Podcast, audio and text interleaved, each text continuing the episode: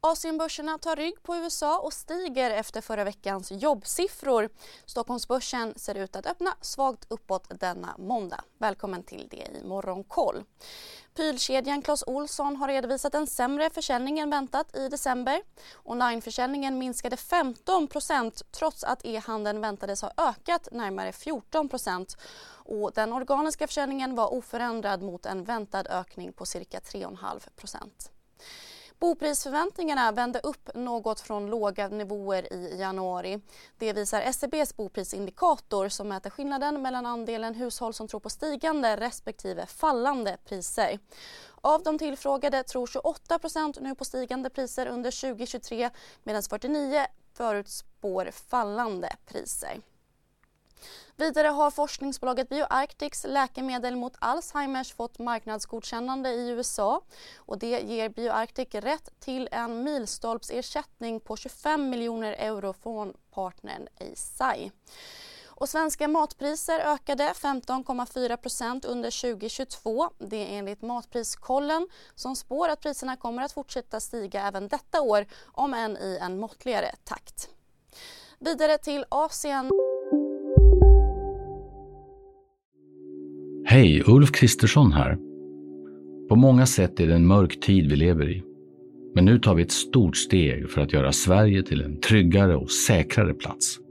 Sverige är nu medlem i Nato. En för alla, alla för en. Där Tokyobörsen håller helgstängt. Börserna i Fastlandskina stiger en halv procent. Hongkongbörsen är upp drygt 1,5 procent med tech, kasino och konsumentbolag bland vinnarna. Och det är efter att gränsen mellan fastlandet och Hongkong öppnat under helgen.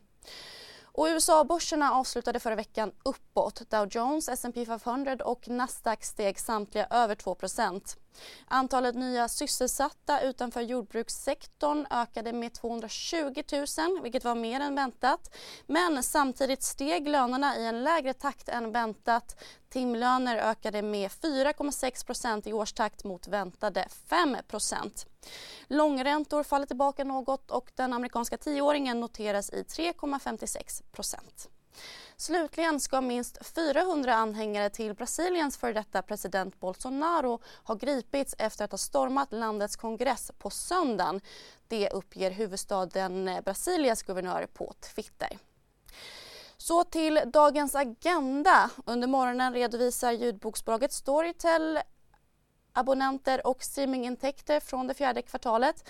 Vidare presenteras euroområdets arbetslöshet under förmiddagen och idag drar även Börsmorgon och Börskoll igång igen som vanligt med start klockan 8.45 och klockan 2. Har du också valt att bli egen? Då är det viktigt att skaffa en bra företagsförsäkring. Hos oss är alla småföretag stora och inga frågor för små. Swedeas företagsförsäkring är anpassad för mindre företag och täcker även sånt som din hemförsäkring inte täcker. Gå in på swedea.se företag och jämför själv. Där det finns ett samhälle, där finns det brott. Krimrummet är podden som tar brottsligheten på allvar. Jag bjuder in landets ledande experter och tar upp aktuella rättegångsfall för att begripliggöra den kriminalitet som kryper allt närmare. Du, alltså, du kan knäcka ett eller några gäng, men det kommer komma nya och så kan vi knäcka dem sen. Men att du ska knäcka allt forever, det kommer aldrig ske. Det är infinite game. Lyssna på Krimrummet, en podd från Expressen med mig Kim Malmgren.